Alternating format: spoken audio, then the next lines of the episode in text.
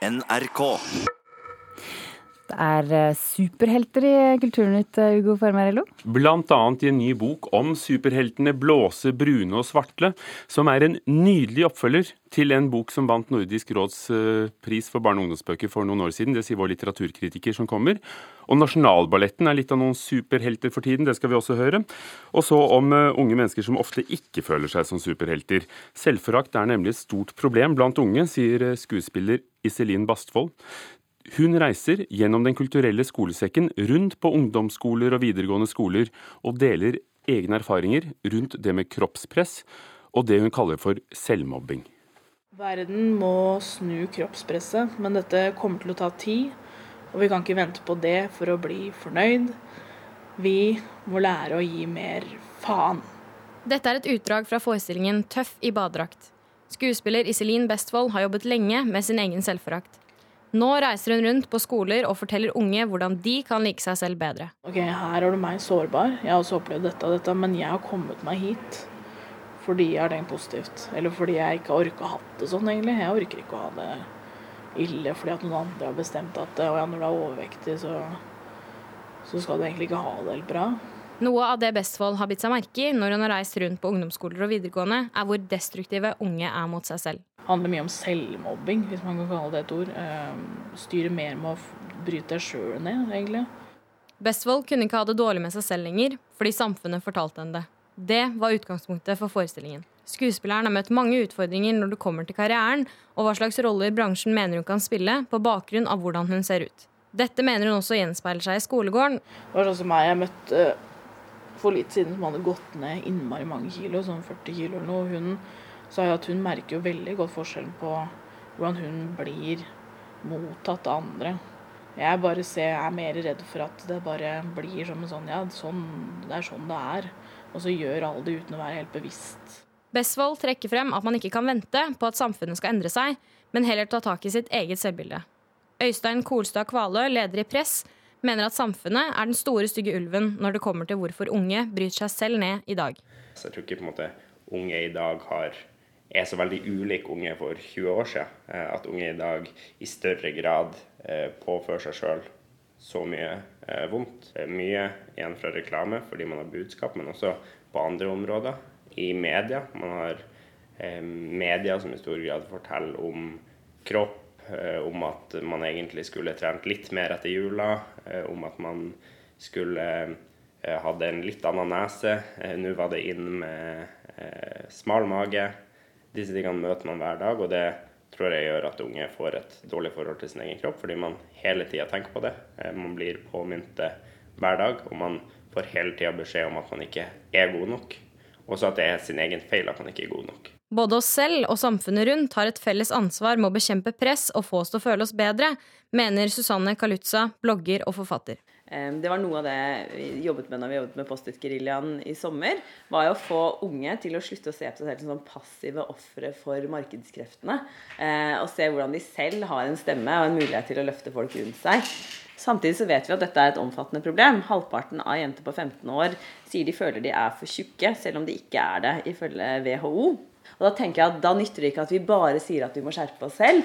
Eh, men jeg tenker at alle må ta et ansvar. da. Også eh, mediebransjen, også politikere, også moteblader, også leketøysprodusenter, også bloggere. da.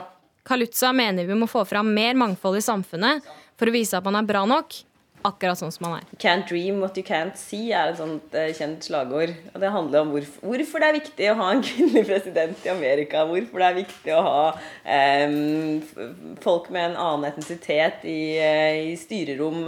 Det er viktig å vise at ikke du bare er én mal som skal til for å være vellykka. Det er ikke sånn at du må være hvit, heteroseksuell uh, og størrelse 34 for å ha et godt liv.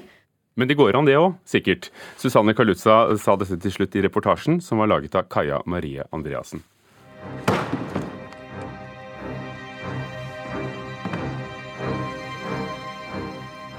Nasjonalballettens to forestillinger, 'Ghosts' og 'Hedda Gabler', fortsetter å gjøre suksess i verden. Dette er eh, musikk av Nils Petter Molvær fra Ghost, som bygger på gjengangere av Ibsen.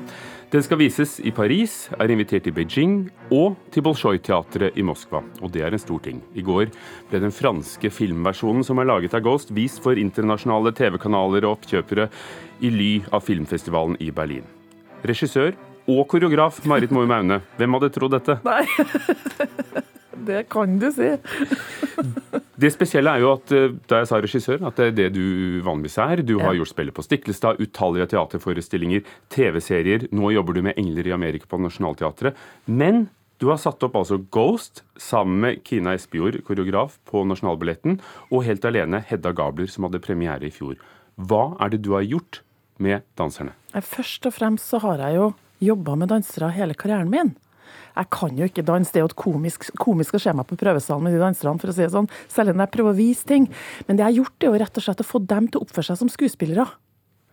Altså, Jeg kan heller ikke spille teater, men jeg kan sette opp teater. Og det vil si at jeg kan få dem til å forstå en historie, sette på musikk, sitte med et videokamera.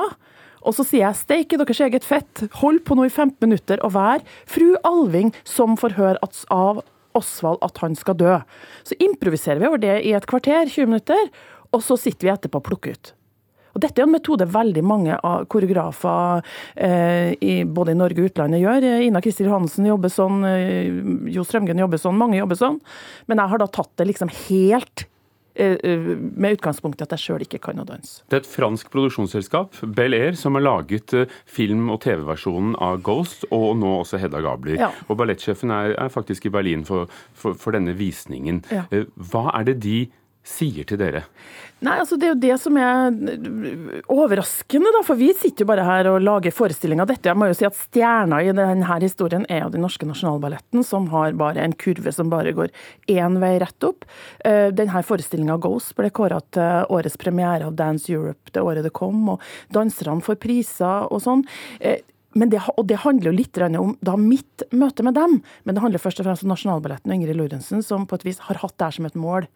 Um, og det de sier, er det at den store historien Det er veldig mye koreografi som lages ballett, som lages små historier, små koreografier. Men å lage helaftens historier er på et vis noe som tilhører tidligere tider på mange måter. Du har hatt Mats Eek i Sverige som har laga fantastiske ting, men det er ganske utfordrende å fortelle historier man også skal forstå. Og derfor har de henta inn et teatermenneske, da. Og så gjør dere da Hedda Gabler og gjengangere som ble til, til Ghosts. Hvor mye er igjen av Ibsen? Å, det er masse Ibsen. Eh, vi har jo da skikkelig disse skuespillerne, de er vel de eneste, nei, disse danserne, må jeg si, jeg blander jo. De danserne er med, og de vel de eneste danserne i verden som kan disse stykkene utenat. Altså dette, vi har satt oss så godt inn i stoffet og så godt inn i analysen at uh, jeg tror at for den som kjenner disse stykkene, så vil man kjenne igjen veldig veldig mye. Og for andre så vil det kanskje være en historie som man forstår litt av, men så er det da opplevelsen av bevegelse og visualitet. Og ikke minst Nils Petter Molvær som står på scenen. Og når vi reiser rundt i verden, så oppdager vi hvor berømt Nils Petter Molvær faktisk er internasjonalt. For da kommer folk for, fordi de kjenner ja, ham også? Ja, Noen kommer bare for å høre på musikken, det er jo litt merkelig, men sånn er det. Ghost skal settes opp, kanskje også Hedda Gabler på Theater Champs-Élysées i Paris, er invitert til eh, Grand Theatre i Beijing og er invitert til Bolsjoj-teatret. Uh, har dere tid til alt dette? da? Nei, det, det, altså Vi er invitert flere steder, som, som, Ingrid sa. De største scenene i Asia, Europa og Amerika. Ingrid Lorentzen. Ja. Ingrid Lorentzen. Men det er rett og slett snakk for hun om hvor mye virksomhet det skal være. For først og fremst er jo Nasjonalballetten for det norske publikummet, og det er like viktig å danse på Røros som det er i Moskva. Så vi får se hvor mye vi rekker. Takk, Marit Moe Maune, koreograf i denne sammenhengen. Og Ghost kan faktisk sees på nrk.no. Der ligger den fra da programmet gikk på Hovedscenen. Alt ligger der til full nytelse.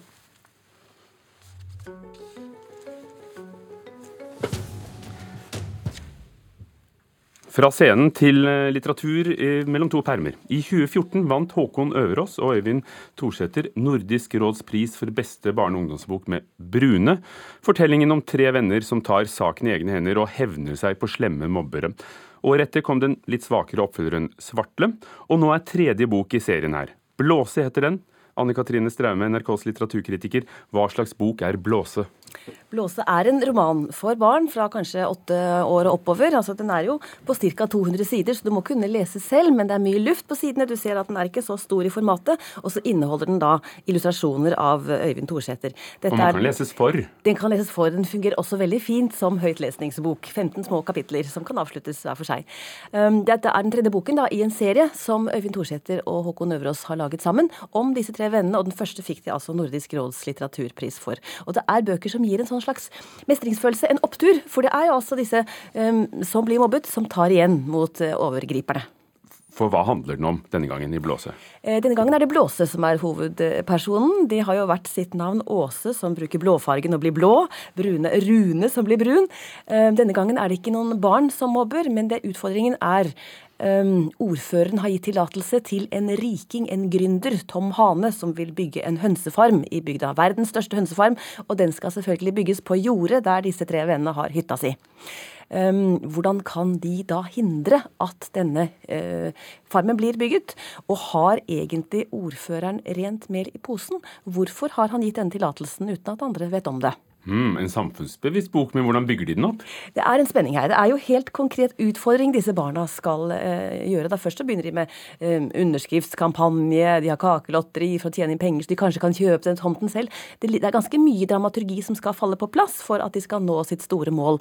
Men eh, det er altså også en sånn spenning som ligger der ved at noen fugler, papirfugler, får vinger. Det ligger en bitte liten magi her. Noe som viser at drømmer kan bli til virkelighet hvis du faktisk vil nok og kjemper for det.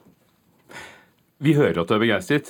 Hva gjør dette til en god bok av Nordisk råds format, som du kanskje mener at den er? Den har sjarm, den har spenning, den er underholdende, den har noen gjenkjennelige trekk. Åse for eksempel, hun sier til ordføreren en gang at men vi må jo kunne snakke om det. Og da får jo Åses mor seg selv i fleisen, for dette er jo typisk sånn voksenformulering. ikke sant? Den fornuftige voksne sier sånn, mens ordføreren snakker denne fillehytta. Så han blir den barnslige, hun blir den ansvarlige. Og så har vi disse illustrasjonene da til eh, Torsæter, som er altså smale, tynne streker, men likevel så klarer han å legge følsomhet i en, en liten prikk. Så kan du si at det, dette øyet er et uh, trist øye, eller dette ansiktet er et smilende og begeistret og besluttsomt lite barn. Så, så det ligger så mye følsomhet også i, i disse bøkene. Hva gjør det med fortellingen å ha disse tegningene der?